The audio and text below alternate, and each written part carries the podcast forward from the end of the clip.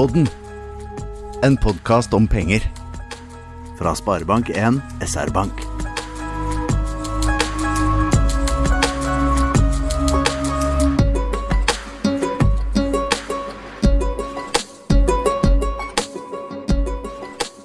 Ok, velkommen til tredje episode av Sparepodden. Wow. Sykt kult. Tenk at dette er faktisk er den faste greia vi har her i banken. Eh, har du tatt det skikkelig innover deg, eh, Kyrre? Nei, det tror jeg faktisk ikke. Eh, det er veldig gøy eh, å nå liksom hele verden. Sant? Altså, nå er det, hvor mye er det? 7,5 milliarder mennesker i verden, eller noe sånt, som nå har mulighet til å høre på denne podkasten. Så, så det er veldig gøy, og jeg er veldig eh, ydmyk og stolt, vil jeg også si, men først og fremst ydmyk for å få lov til å være med deg, som er da lederen for podkasten, på dette. Det stemmer. Og jeg ser du har pynta deg i dag. Er det pga. podkasten, dette her, eller? Klipp meg, mener du?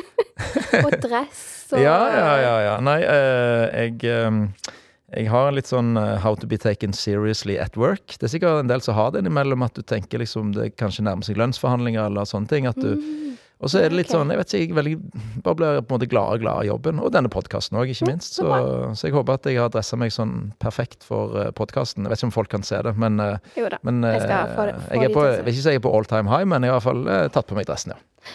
Nydelig. For i dag så får vi besøk, og jeg skal vente litt med å røpe hvem det er. Men det er jo lov til å gi noen hint. For hun her er olympisk mester, og det er ganske kult. Og Vi skal snakke litt om idrett og økonomi, og om sponsing, som egentlig Det er jo sinnssykt spennende og veldig gøy. Men først så må vi jo ha denne lynkjappe runden rundt bordet vårt. Eh, og da lurer jeg på hva hva tenker du på? Og nå tenker jeg liksom kurre. Hva tenker kurre på? Ikke hva tenker sjefsøkonom kurre på? Ja, Men du kan ikke liksom, Det er ikke to forskjellige personer. Jo. Nei, det er faktisk ikke det. Og jeg tenker på veldig mye rart, og jeg har fått mye feedback fra lytterne om at de syns at, at jeg har vært veldig kort og presis, men fra deg og fra Atle Andersen, som er med og hjelper oss, så har jeg fått en del på du må være mye raskere og kjappere. Så nå skal jeg være veldig kjappe, da. Uh, jeg tenker kanskje mest på noe som er veldig tragisk akkurat for tiden. Det er krig. Uh, vi en tragisk, har en tragisk krig i Ukraina, og så i tillegg så har vi Palestina. Israel-konflikten, som jo i veldig mange dimensjoner er utrolig trist og utrolig tragisk, og påvirker veldig mange menneskers liv. Eh, og bare sånn helt personlig så var så min far, Knut Knutsen, var med da, i 91 og forhandla den første avtalen, eh, det som kalles for Oslo 1-avtalen. Og jeg har òg jobba i et forskningsinstitutt som heter Fafo, som, der jeg begynte i år 2000. Og det er det første jeg var med på, å se en, en ny sånn eh, Det som kalles for intifada, et nytt opprør. Så når jeg ser dette igjen, så, så bare tenker jeg på begge sider. Det, det, er, så, det er så kjipt. Så det, det er en litt trist start på podkasten, men sånn er verden Ja. dessverre av og til. Så, så det var meg, med veldig ganske kort på et litt eh, eller veldig trist eh, tema. Men, eh, men du, da? Du kan jo kanskje ta en litt sånn annen inngang. Har du gjort noe gøy? Du, har, du er blitt voksen nå. Du har vel kanskje, Vi har akkurat lønnsforhandlinger og bonus og sånn. Er du, er du fornøyd med tingene? Nei, det Nei. er jeg jo ikke. Ja, hvorfor ikke? Nei, jeg har ikke jobba så lenge i banken, så Mm. fikk jeg beskjed av sjefen min at det var ikke noe der å gi. Var det ikke det, altså? Må bare kjøre på og ja, gi enda mer resultater eh, ikke, videre i året. du har ikke mulighet til å gi enda mer. Du gjør jo maks allerede. Så jeg håper jo at vi setter pris på deg etter hvert. Men det var vel forhåpentligvis var det det at du ikke har vært der så lenge Ja. ennå. Men, Men eh, denne- jeg, skal, jeg skal snakke med sjefen min om jeg kan få litt ekstra bonus jeg kan gi til deg. Ja, det hadde vært fint. Men det var faktisk ikke det jeg hadde tenkt på. Å ja. Hva har du Det- da tenkt på? da? Det er noe veldig seriøst. Nei, det er ikke Ja. så seriøst. Det er veldig gøy. Ja? Eh, for jeg ser jo og scroller litt for mye på TikTok. og Du er akkurat som ungene mine, du. Ja, ja. Jeg eh, og har fått med meg dette eh, konseptet, da. Girl math. Mm. Ikke girl power, altså. Nei, girl math. Har du hørt om det? Girl math. Nei, og du skrev jo til meg at du at jeg ikke fikk lov til å søke det opp. For dette her er jo noe som gjør mening for oss damer, og kanskje ikke dere menn. Kanskje du kan kjenne deg igjen i noe. Mm. Men det er litt hvordan vi kan veldig enkelt rettferdiggjøre forbruket vårt med veldig logiske forklaringer. Nå er jeg spent. Nå er jeg sykt spent. Så jeg tenker, med, når du handler, da, Mhm. Handler på salg Mm. eh, For oss da så har vi tjent penger. Oi. Hvordan går det an? Jeg tenker at du trenger ikke å kommentere på alt. Du kan bare høre på. Og med denne her kanskje du kan kjenne deg litt igjen. For hvis du kjøper en billett eh, til en konsert et år i forkant, Mm. når den konserten da kommer, og du skal på denne konserten, da føles denne konserten gratis. Og for oss, konserten er gratis. Oi. Mhm. Det er et ganske kult konsept. Ja. Og denne her òg, når jeg leste denne her, Mm. så tenkte jeg den, den kjenner jeg meg veldig godt igjen i, og kanskje du òg. For når du er ute på byen og spanderer drikker på folk, mm. og du spanderer eh, tilbake, det er gratis drikke. Wow. Hva tenker du om det? Eh, jeg tenker i hvert fall at du skal få lov til å gi meg konsertbilletter, for det er jo gratis. og så er jeg litt usikker på om vi skal gå på byen sammen, for det hørtes ikke gratis ut for meg. Men eh, Nei, men jeg, jeg, jeg, eh, jeg skjønner. Men altså sånn vesker og sånn, kan jeg ikke fortelle, er vesker òg gratis? For det ser jeg hjemme hos oss. At stadig dukker det opp nye vesker, og så pleier jeg å si ja, har du ikke sånn veske fra før? Eh, men er det gratis, det òg? Det tenker jeg Hvis du klarer å kjøpe det enten på salg, så er det jo Da har du faktisk spart penger. Mm. Og hvis du klarer å kjøpe det brukt, mm. da er det jo Da har du spart penger, men du kan forsvare det til at det nesten er gratis, for du på en måte gjør en god gjerning for miljøet. Ja, OK. Ja. Men hadde hadde ikke vært billigere å ikke kjøpt den veska som er helt lik de tre andre du har fra før. Ingen kommentar. OK, vi går tilbake. vi går videre. OK, OK.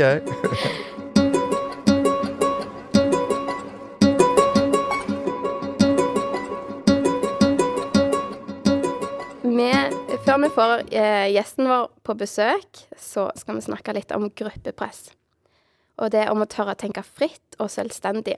Og det er ikke alltid så lett, og i hvert fall ikke hvis det er mange andre der ute som er uenig. Mm. Eh, tør du å mene noe, selv om det er mange der ute som er uenige? Ja, altså På en måte Mye av jobben som jobben min går på, er jo å finne ut hva jeg og mine gode kollegaer tror om f.eks. renter. Eh, Eller boligpriser, eller arbeidsledighet, eller prisen på konsertbilletter eller vesker. Eh, og så sier vi hva vi tror, sånn at eh, våre kunder og folk rundt oss, samfunnet, kan ta bedre beslutninger. Det betyr jo ikke alltid at vi har rett, og kanskje særlig nå i siste Nå var jo i Dagens Næringsliv på forsida til og med her om dagen med at eh, jeg mente at det ikke var utenkelig med et rentekutt før jul. Mens det var en annen kar som mente at det, og det var, da måtte verden ramle sammen. Så der var vi jo uenige. Og så merker jeg òg Jeg er jo i en veldig utsatt posisjon. Eh, her en dag så ringte det en fyr som skjelte meg ut, litt sånn trua eh, meg mer eller mindre. Så jeg måtte ta det opp med sjefen min. da. Eh, Det var en investor i banken som var uenig i at jeg hadde sagt at i visse situasjoner så kan det kanskje være at regjeringen kommer til å tenke på at hvis boligmarkedet holder på å ramle sammen, så kan de gjøre noen støttegrep der. Mm. Så det faktisk har jeg slått meg òg at jeg burde jo i sånn lønnssammenheng ha risikotillegg. Eh, og kanskje en del folk der ute òg må tenke seg litt nøyere om før de blir veldig uenige. Jeg tror vi har en litt manglende kultur på å diskutere uten å krangle og uten å bli ufine. For det er veldig viktig at vi kan diskutere og ha ulike syn. Og så syns jeg jo bare sånn som du òg er jo kjempetøff, du har akkurat begynt jobben. Fikk jo ikke, fikk jo ikke lønnsoppgjør engang.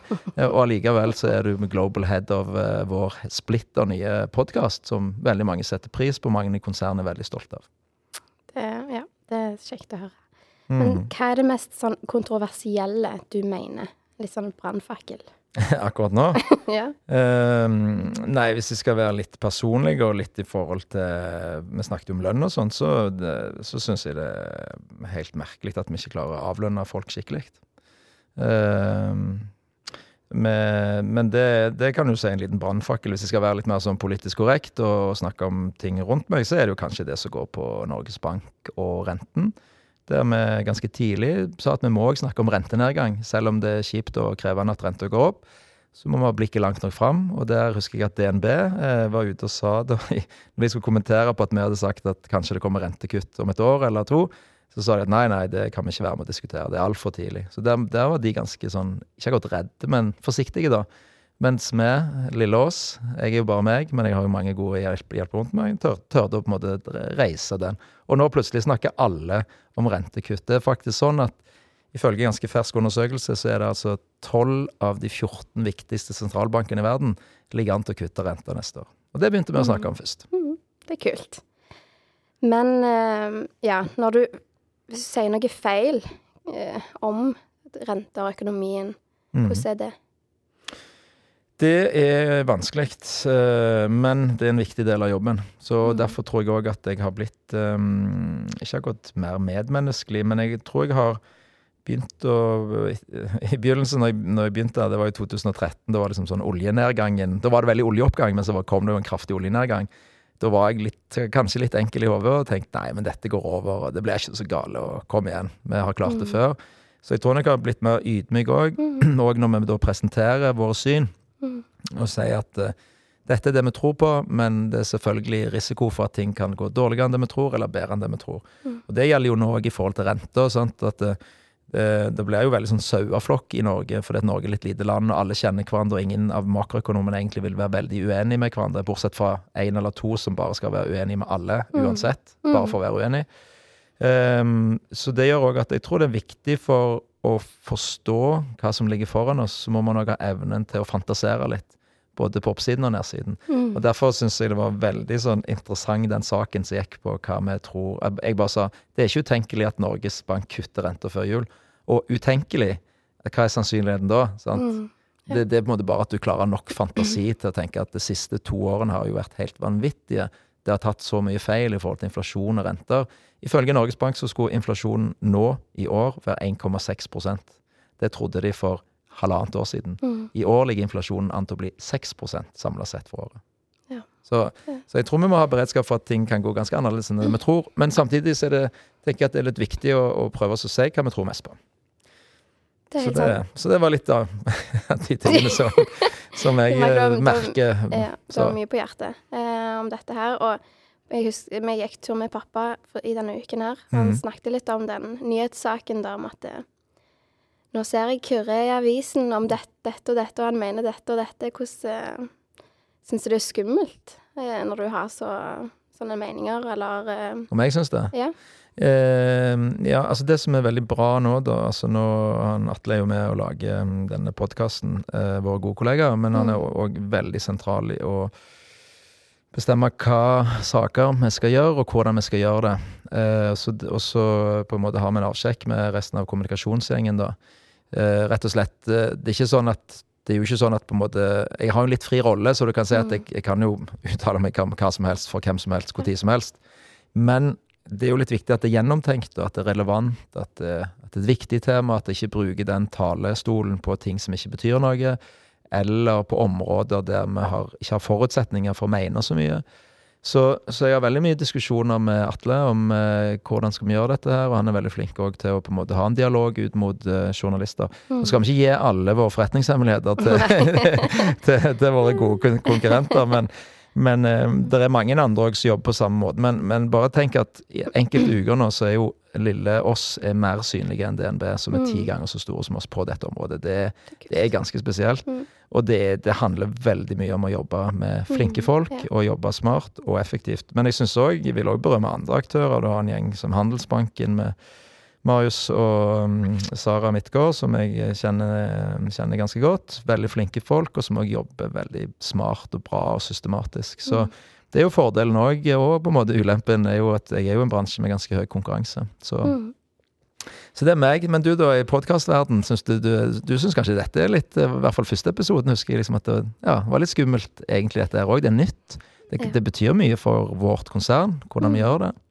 Jeg, jeg kjenner jo på at jeg alltid er litt redd for å kanskje si feil, eller ja, at jeg plutselig skal komme med noen syke sparetips som ikke stemmer med noe. Men Mm. uh, som girl math. Ja, ja, ja. Jeg likte godt girl math, altså. Ja, det var- Ja. Men uh, ja. Jeg føler jo at jeg eh, Jeg får snakket fritt, og det, en podkast gjør det jo veldig Det er jo en samtale. Mm. Det, ja. Men eh, alt trenger, trenger ikke være så veldig seriøst, og ja. Det skal være litt lett og ledig. Mm.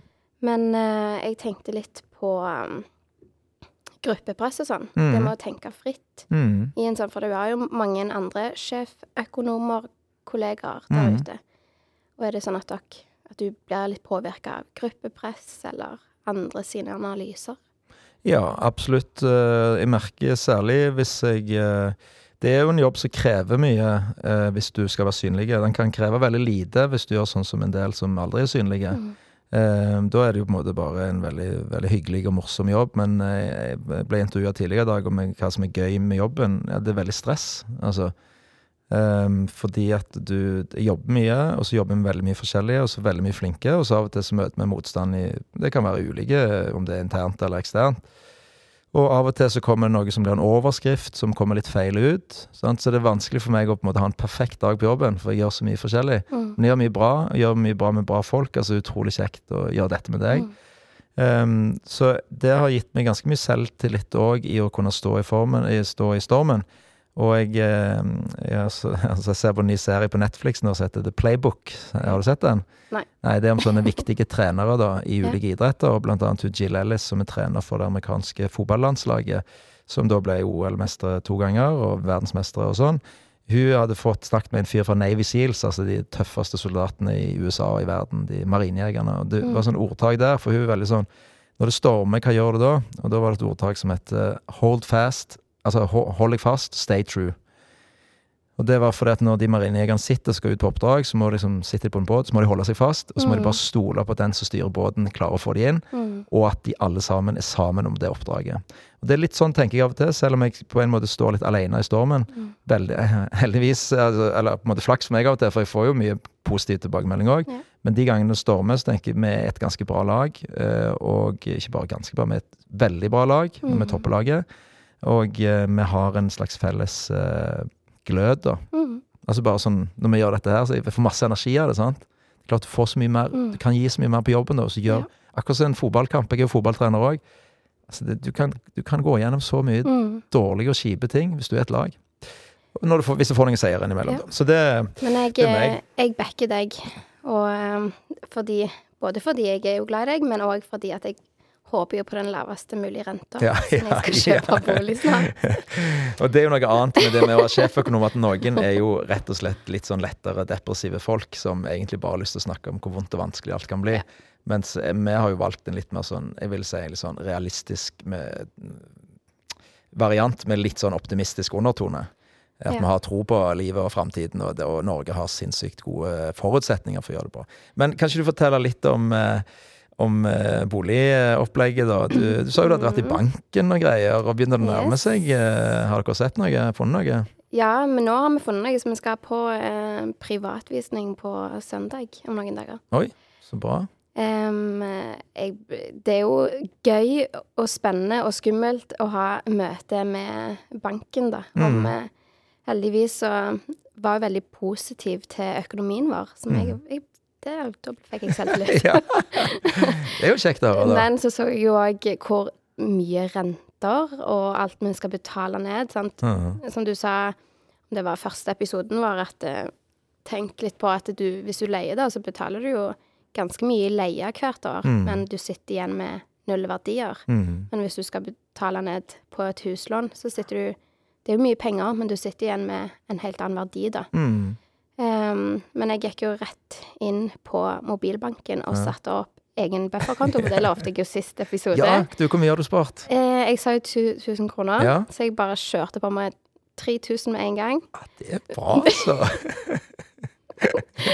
Så ja, men vi får se hvor lenge de det, Men jeg skal, jo, jeg skal være flink og la de prøve å la de stå. Jeg skal gjemme de vekk. Bra. Men jeg satte òg opp en sånn rentebuffer, Ja. Fordi jeg ble litt stressa når jeg så at du måtte betale ganske mye. Mm. Og så tenker jeg da er det alltid greit å være litt sånn før var. Men uh, plutselig så Vi får se om de går til at jeg spanderer drikke på deg på byen, Ja, ja. eller uh, Det håper jeg jo. drikkebuffer. Um, men ja. Det er jo veldig spennende det med bolig, og jeg håper jo dere finner noe både som dere syns er fint, og som Mm. dere har råd til. Men er det sånn at du du nevnte at du gikk tur med faren din, og dere har Mm. diskutert rente, og jeg har signalisert at kanskje det kan komme, i hvert fall at rentetoppen er nådd, kanskje den kommer ned, komme ned òg, renta. Mm. Tror du på meg, og på andre sånne som meg? um, det er et godt spørsmål, men jeg føler ikke at jeg tenker sånn når jeg leser det i avisen, eller vi snakker mye om det på jobb. Mm. Uh, jeg stoler jo på det du sier, Men så i tillegg så tenker jeg litt at om det kommer Man skal alltid være forberedt på om det kommer en rent, liksom høyere rente, eller om det kommer en blir lavere. Det er jo, hvis den er lavere, så er det en fordel, men om det er høyere, så er det bedre å være forberedt på det Mm. enn å gå plutselig på en smell og bli skamsure på deg og ringe deg og bare Fy søren, du lovte Du lovte det, og Ja, ja. ja. Men vurderer du fastrente, da? Det er jo veldig sjeldent i Norge, men jeg har jo alltid hatt fastrente. Men vurderer du å binde renta, da? For å Hvis du få bedre forutsigbarhet? anbefaler det, så kanskje jeg må høre på deg. Ja, Jeg vi får ta et møte etter Ja, denne tror- episodeinnspillingen her. Det tror jeg er lurt.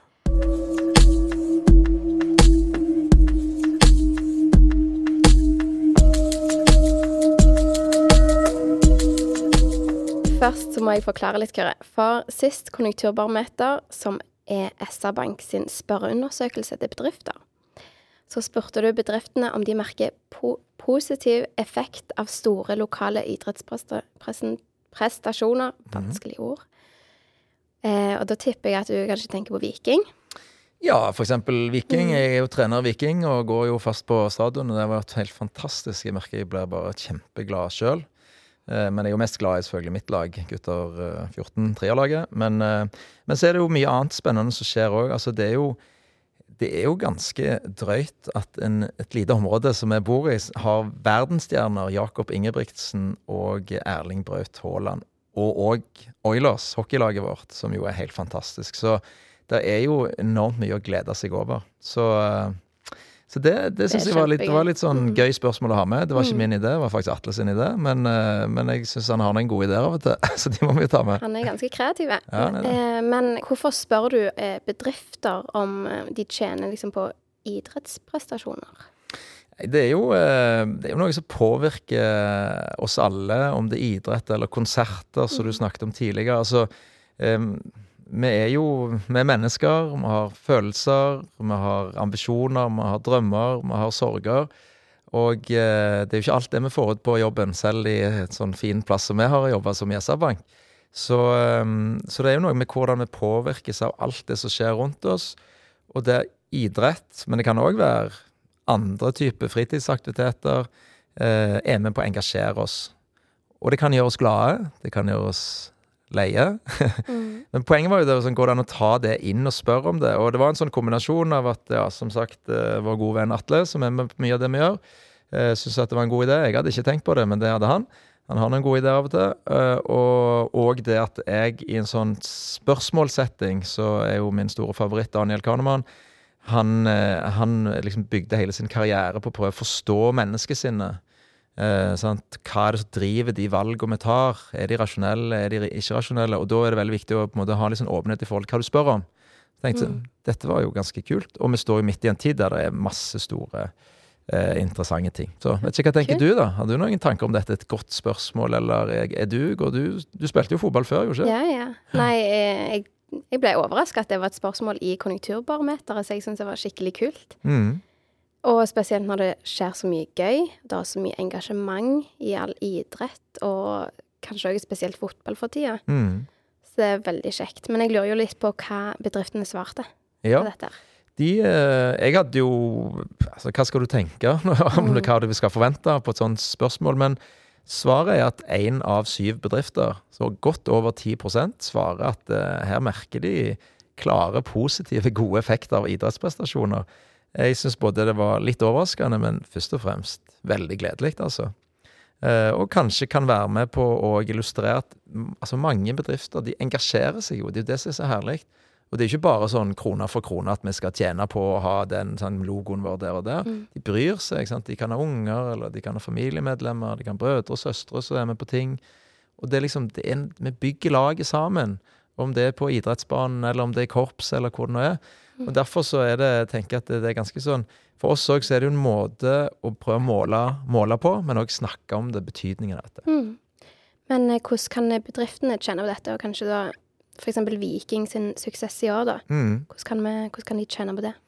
Um, det, hvis vi hadde hatt med vikingsjefen uh, Bjørne, som jo er en uh, veldig uh, fin og framoverlent fyr, som har gjort vanvittig mye i den klubben etter at de rykte ned, ehm, så tror nok han ville sagt at når du har 15 000 mennesker på stadion, Mm. Altså, det koker. Når du har 150 mennesker på stadion, så skjer det ingenting. De kjøper ikke brus, de kjøper ikke pizza, de kjøper ikke supporterutstyr, de tar ikke toget. Sant? De går ikke ut i forkant av kampen, om det er i Stavanger eller om det er på Hinna. Mm. Sånn at eh, Klart dette betyr enormt mye. Mm. Og det er her, nå tenker jeg vi skal få inn ukens gjest. For denne her gjesten, det er jo vår kollega. Og vi har jo sykt mange kule kollegaer. Mm. Men denne kollegaen, hun er dronningen av spons, kaller jeg nå. Monica Sandve. Hun er òg eller har vært tidligere håndballspiller på landslaget, hvor hun i 2000 tok bronse i sommer-OL i Sydney. Wow. Det, det kult, lærte jeg nettopp. Det er dritkult. Veldig gøy. Velkommen, Monica. Tusen takk, Anna. Hvorfor tror du at bedrifter kjenner på idretts, idrettssuksess? Eh, ja, jeg tenker jo at det er viktig å presisere at eh, spons er et område som er veldig, veldig krevende å ha konkrete målinger på. Eh, og dermed så er det jo gjerne vanskelig å si om bedriftene har tjent på å være med, for ofte når en er sponset, så putt, putter han jo i noen penger òg, så er liksom den der balansen er litt vanskelig. Um, og for oss som jobber i bank, og helst vil ha to streker under svaret, så tenker jeg spons er, er nok litt frustrerende sånn sett, for det, det er det sjelden vi kan gi, da. Men det handler jo mye om det du, Kyrre, sier, at det, det er følelser, det er engasjement, eh, både på opp- og nedturer. Um, og, og når dere snakker om Viking, så tenker jeg jo at det, eh, de er ganske eksepsjonelle på hva de holder på med. Eh, de er enormt flinke. Og nå er de i medvind. Eh, og det er utrolig gøy. Det er gøy å være sponsor, det er gøy å være publikum. Det, altså, det er gøy for alle. Eh, og det tenker jeg skaper forretning, både sånn som du sier med med folk reiser, de handler, de er til stede eh, på, på SR-Bank Arena og sånn. Men eh, òg i sponsornettverket. Så altså, Viking har jo over 200 sponsorbedrifter. Eh, og i det nettverket der så tenker jeg òg at eh, ja, det er jo sånn. Begeistring og positivitet det skaper gjerne mer eh, engasjement og mer litt sånn driv på det å kunne å, å handle av hverandre. Eh, og det ser jeg jo for Viking eh, Altså i Viking så er det en, spons, en familie. Altså sponsornettverket er en familie. Og det er en litt sånn utenskreven regel om at der handler vi av hverandre. Eh, og det har jeg merka nå når det har vært et gulljage nå. Eh, jeg får mye henvendelser. Folk får ideer om skal vi gjøre dette, skal vi snakke skal, altså sammen med Viking, da. Ulike aktører i markedet. Ehm, og det Og da er det jo litt med det der med å velge hva, hva skal en være med på, skal vi være med på noe? Og noen ganger gjør vi egne initiativ. Eh, og hvis vi har egne initiativ, så handler jeg Hvis jeg trenger å handle noe, da, eh, så handler jeg det av bedriftene i nettverket til vikinger. Så lenge det har med Viking å gjøre. Mm. Så det er klart at det, det får jo ringvirkninger den veien, og så tenker jeg òg at det, det blir litt andre veien når resultatene uteblir, da. Så, så, så det er litt sånn til og fra. Men ja. Men det er jo viktig òg, tenker jeg, det der med med- medgang og motgang. Altså, Jeg føler jo at både mennesker og lag, og oss som konsern òg, at vi, vi defineres ikke egentlig av solskinnsdager og medvind. Vi defineres jo av hva vi gjør i mot, motgang. Og når Viking da rykte ned, og de sleit med sponsorene, så gikk jo eh, SR-Bank inn og eh, var forhåpentligvis en god partner. Kan du si litt om det òg? Liksom, det, det sitter vel litt igjen i Viking, det òg, at vi var der når det blåste som verst for dem. ja, det var vel tilbake i 2017. Ehm, det er klart at det hadde enormt mye for Viking å si. At de, de fikk en bank som kom på banen og, og, og støtta de, og gjorde at en kunne drive videre. Eh, og det er klart at det, det å få navnet vårt på arenaen eh, der ute i Jåttå er jo, er jo veldig bra. Jeg syns det er utrolig stas. Eh, og jeg håper at han kommer til å hete det for alltid. Men, eh, men det er klart, vi har nok et, eh, et godt og spesielt bånd med Viking. Eh, kjenner iallfall jeg på. Men eh, med, med de som jobber i administrasjonen og, og sånn. Så det er veldig, veldig kjekt. Kan jeg bare få stille ett spørsmål til? Det? OL i Sydney. Sommer-OL. Ja. Der er ett minutt igjen av kampen. Ja. Fikk du med deg den kampen? du har sett den? Fortell Ja, litt hva som skjedde, og hvordan det føltes. Uh, det er jo nesten så det er litt sånn blurry hele, greia, for vi spilte mot Sør-Korea, og det var uavgjort. Nei, vi leda med ett mål når det var vet ikke hvor mange sekunder. 15-20 sekunder. Og de hadde ballen, og da i håndball går det fort. Så det er egentlig om å gjøre å bare det, hindre det målet, da. Eller skudd på mål. Så jeg mener at Kjersti Grini tok eh, og takla ei på banen, sånn at de fikk frikast. Og så tok hun ballen og så kasta hun den ut av banen for at det skulle gå litt ekstra tid. Hun fikk jo rødt kort, men det er liksom helt greit, for det var gjerne de sekundene vi trengte da. Så det var, eh, det var kaotisk. eh, Og når vi vant den kampen der med ett mål, så føltes det som vi hadde vunnet gull, altså. Ja. Det tror jeg alle andre kult. kjente på. ja. Den fjerdeplassen der, den, eh, den vil du bare ikke ha. Ja. Jeg fikk frysninger, jeg. Jeg òg. Okay. Kanskje vi skulle hatt mer håndball? Du, må det var ett, to minutter igjen, da. Men OK, vi må over til litt mer eh, om sponsor. For jeg lurer litt på hvor mye sponser vi som bank? Eh, vi har totalt sånn ca. 40 eh, sponsoravtaler, og eh, ja, rundt 32 av disse avtalene er med klubber og lag. Eh, så vi har hovedtyngden av, eh, av våre sponsormidler går til idrett. Eh, og de siste åra så har vi i snitt sponsa med ca. 10 millioner i året. Hvordan velger vi ut hvem vi skal sponse? Eh, det er jo litt sånn i, tråd med målene i sponsorstrategien vår. Eh, og det, vi ønsker tilgang på gode nettverk der det er andre bedrifter og personer som vi kan skape nye relasjoner med. Og òg nettverk der vi kan, eh, kan pleie de kundene som allerede har. Og så ønsker vi jo å skape engasjement og følelser. Så, så, um, og så ønsker vi òg at At vi skal kunne ha en helårlig aktivering, som vi kaller det. At vi kan finne på noe sammen med de vi sponser. At ikke det er en, eh, noe, en sånn døgnflue som varer en dag og to, og så var det et år til neste gang. Men at vi kan finne på ting, og da gjerne både eksternt og internt, altså òg med ansatte, da. Eh, og så eh, ønsker vi gjerne eh, å skape aktiveringskonsepter som er unike for vår bransje, da.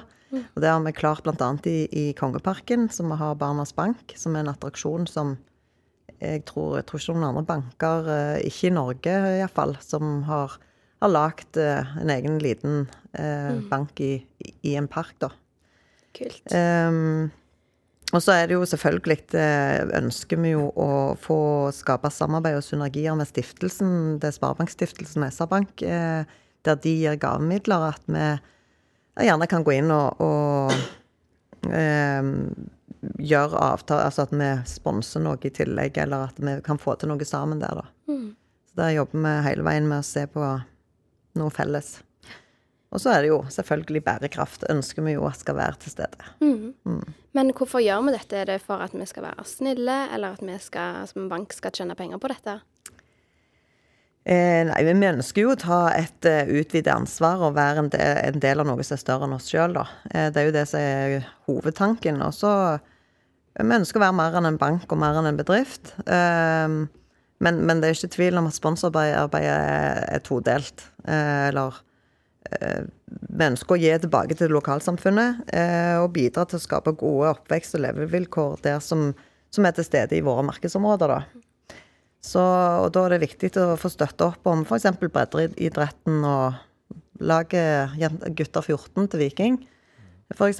Sånn, sånn, eh, så de kan fortsette å ha viktige tilbud for barn, eh, barn og unge i oppveksten. Mm. Så tenker jeg òg at spons handler om eh, kundepleie. Gi noe tilbake til kunder og skape gode øyeblikk sammen med de. Og at vi ønsker at de eh, ansatte skal være stolte eh, over den jobben vi gjør eh, innen spons.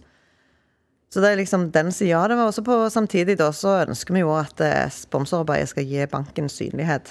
Eh, og at det skapes positive assosiasjoner med merkevaren, og at det genererer nye kunder. Og at det kan være en inntektsvekst på et eller annet vis. Um, så det, det er litt sånn todelt. Mm. Jeg merker jo i alle fall veldig mye sånn glede i, av, mellom kollegene våre av de sponsoraktivitetene vi gjør. Mm. Og det er veldig kjekt. Mm.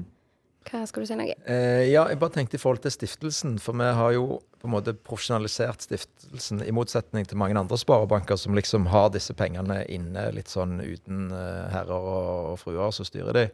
Eh, så har jo vi profesjonalisert den biten med at Mm. eh, nesten en tredjedel av vår bank er eid av en superprofesjonell stiftelse, som som òg på en måte der, der du Kan du si litt om hvordan Og de, de sitter på verdier for 1300-1400 milliarder. 100, 13-14 milliarder, sorry. Mm. Har delt ut til sammen nesten 1 milliard kroner. Hvordan jobber dere liksom, hvordan jobber vi sammen med stiftelsen for å, for å på en måte det er jo liksom, Den heter jo vel SR, Sparebankstiftelsen SR Bank. Mm. Ja, han gjør det. Eh. Stiftelsen vår har jo enormt eh, mye større budsjett på en måte enn en det vi bruker på, på spons. Så, og vi får, eh, jeg får en enormt mye henvendelser med ønsker der, der mange ønsker at vi skal være med og sponse, smått og stort. Eh, både klubber, foreninger, lag, alt mulig forskjellig. Eh, og det har, ikke, det har vi ikke budsjett til. Så dermed så er det jo veldig fint at mange av disse kan da søke stiftelsen vår om gavemidler to ganger i året. Så, så en del av min jobb eh, handler jo om å lose, altså informere og lose folk videre da, til stiftelsen. Um, og så har vi jo jevnlige møter med stiftelsen der vi òg uh, får se hvem, hvem er det de lister over hvem er det som mottar gavemidler ved, ved hver tildeling. Og, og da kan vi jo gå inn noen ganger. Uh, Nå har vi blant annet eh, Jeg tror det var i vår, så ga de eh, noen millioner til supersatsingen. Som vi da eh, som bank syns er Eller jeg syns det, det var en veldig fin sak. Og tenker at eh, der har ikke vi, de har ikke spurt om noe spons. Men der har vi kontakta de nå for å, å se om vi kan få lov til å gjøre noe sammen med de. Eh, og det, synes jo, det er jo de kjempetakknemlige for. Så det er jo noe med eh, litt sånn begge veier. Noen ganger får eh, de vi allerede sponser, får midler, og andre ganger så oppstår det nye, nye samarbeid da, med nye spons sponsorobjekter pga. gaver som stiftelsen gir. Så, men så er det jo De jobber jo veldig innenfor sine regler og lover og alt det der. Og så, så vi skal ikke liksom blande det for mye sammen heller. Mm. Veldig bra. Tusen takk for at du kom, Monica. Du skal få lov til å sitte litt til med oss Ja. hvis du vil det. Tusen takk for meg. For, men vi må snart gå inn for landing. Eh, ja. Er det en litt lang episode i dag? Kanskje. Ja, Kanskje. Vi hadde mye, mye på hjertet i dag.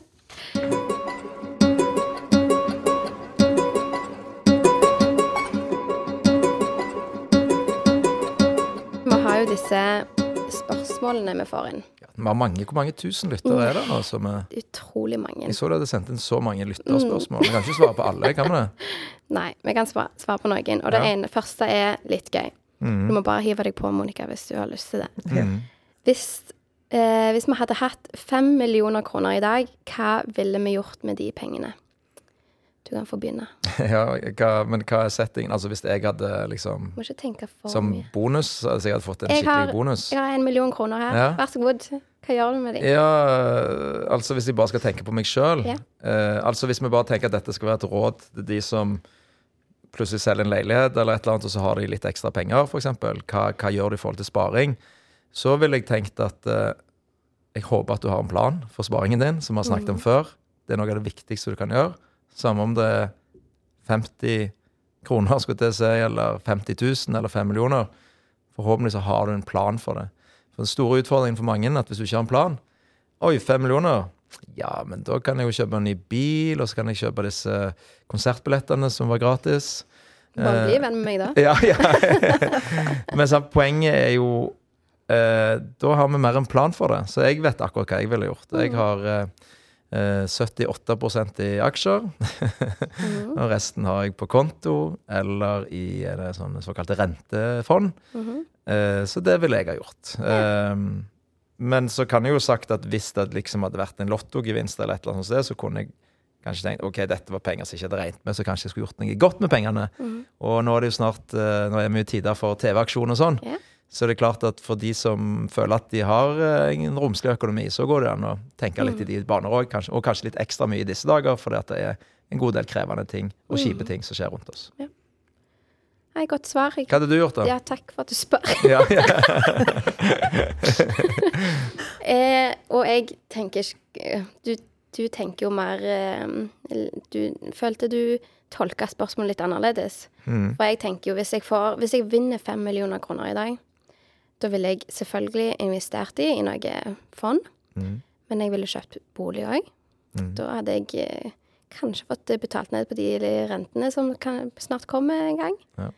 Um, og så jeg vet ikke hva jeg ville brukt noe. Jeg ville brukt penger på tatt med familien på en sinnssykt kul reise. For det er noe med verdien i det òg. Å ha noen gode minner med familien.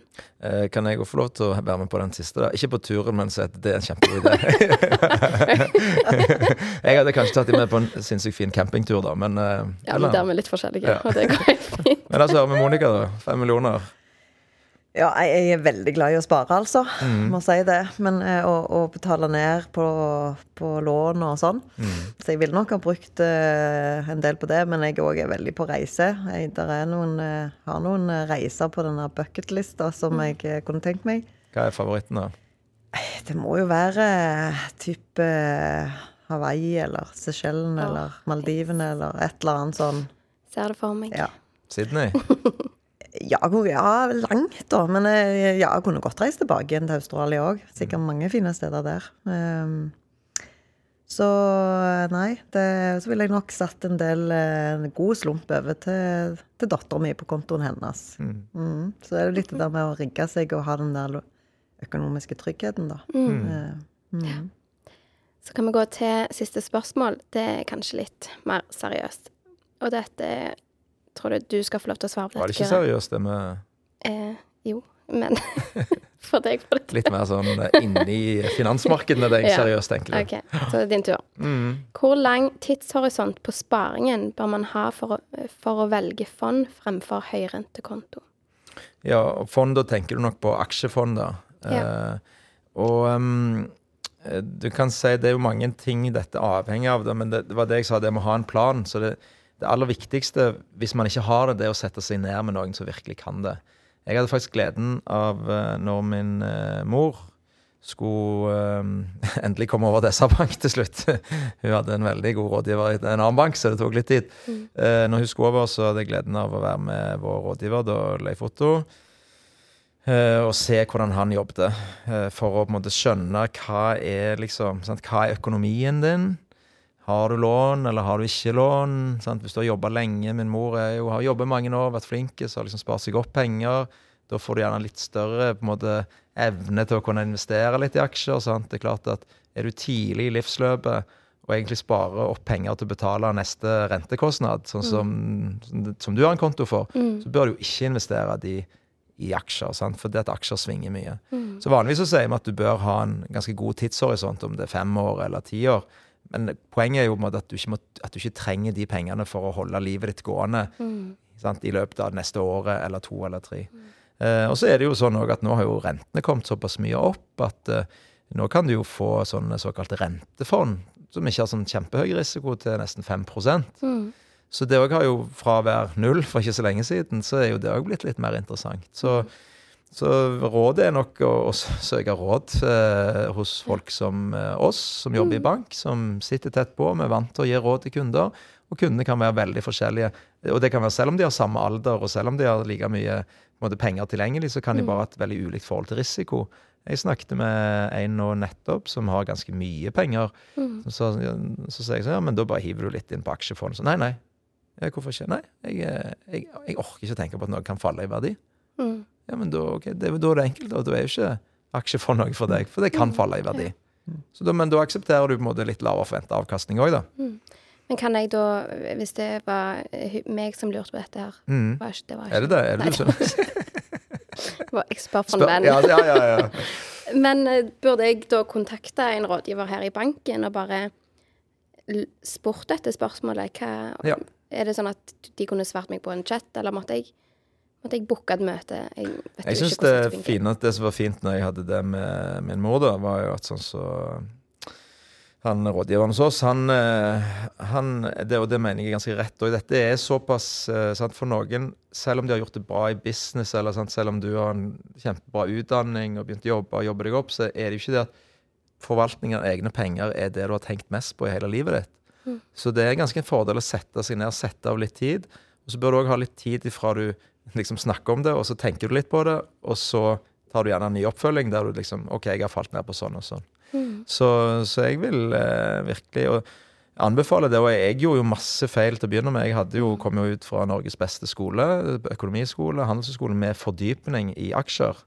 Og jeg gjorde jo så mye dumt. Altså, jeg kjøpte aksjer som var altfor dyre, og solgte dem når de var kjempebillige. Og, og så eneste jeg prøvde å huske, var de gangene jeg gjorde det bra. Men det var jo på en måte alle nybegynnerfeil du kunne gjøre. Og det var først når jeg skjønte at liksom, du må jo på en måte forstå at selv om du tror du kan det, så, så må du liksom sette deg skikkelig inn. Du må få, snakke med folk som kan det, har vært i gamet lenge. Du Har råd, gitt gode råd i mange år. Så jeg tenker at det er mye rundt det. Med, med, og, og jeg blir stadig overraska. Folk som gjør sånn skikkelig bra innenfor sine områder. Og så, og så, ja, så tenker Du har jo, begynner jo å tjene godt, sier jeg. Liksom. Ja, hva gjør du med penger? Nei, nei, liksom, nei jeg kjøpte noe sånn eh, aksjer i sånn og sånn. Bare sånn. Ja, er du ekspert på AI? Mm.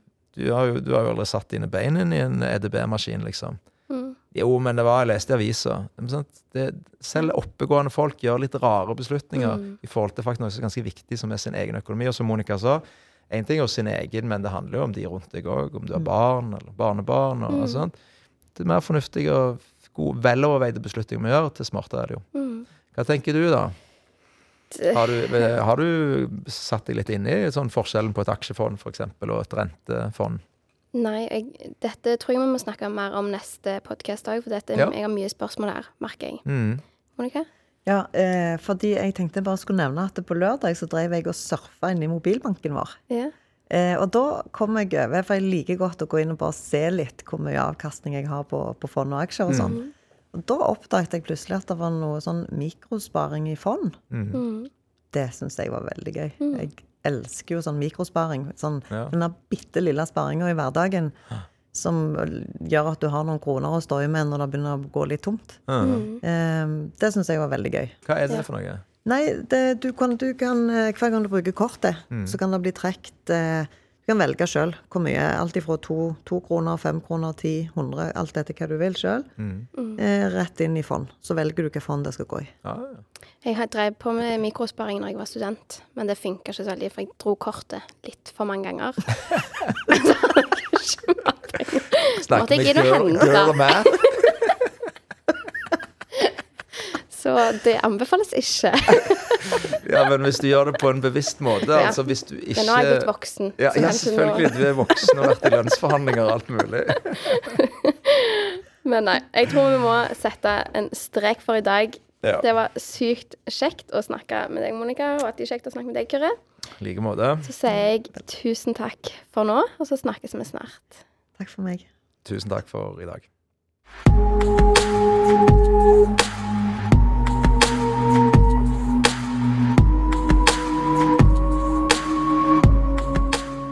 Denne podkasten er produsert av Impress Publisering.